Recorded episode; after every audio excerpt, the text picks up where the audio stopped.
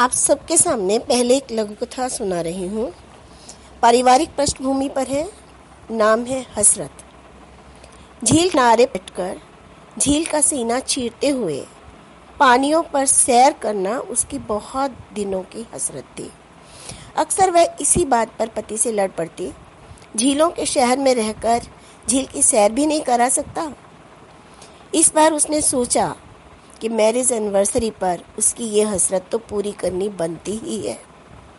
पूरे दो महीने बचत करने के बाद मैरिज एनिवर्सरी के दिन आज झील की पैडल बोट पर जब उसको बैठाया तो मन में राजा होने का एहसास हुआ था। पुष्टि के लिए उसने उसकी आँखों में देखा था। वहाँ अब भी उदासियों की बदलियाँ छाई थी। क्या हुआ भाई? इतनी उदास क्यों हो? सोच रही थी, बेकार पैसे खर्च किए। इतने पैसों में तो आपका स्वेटर आ जाता। बोट में बैठकर क्या हुआ? शुक्रिया।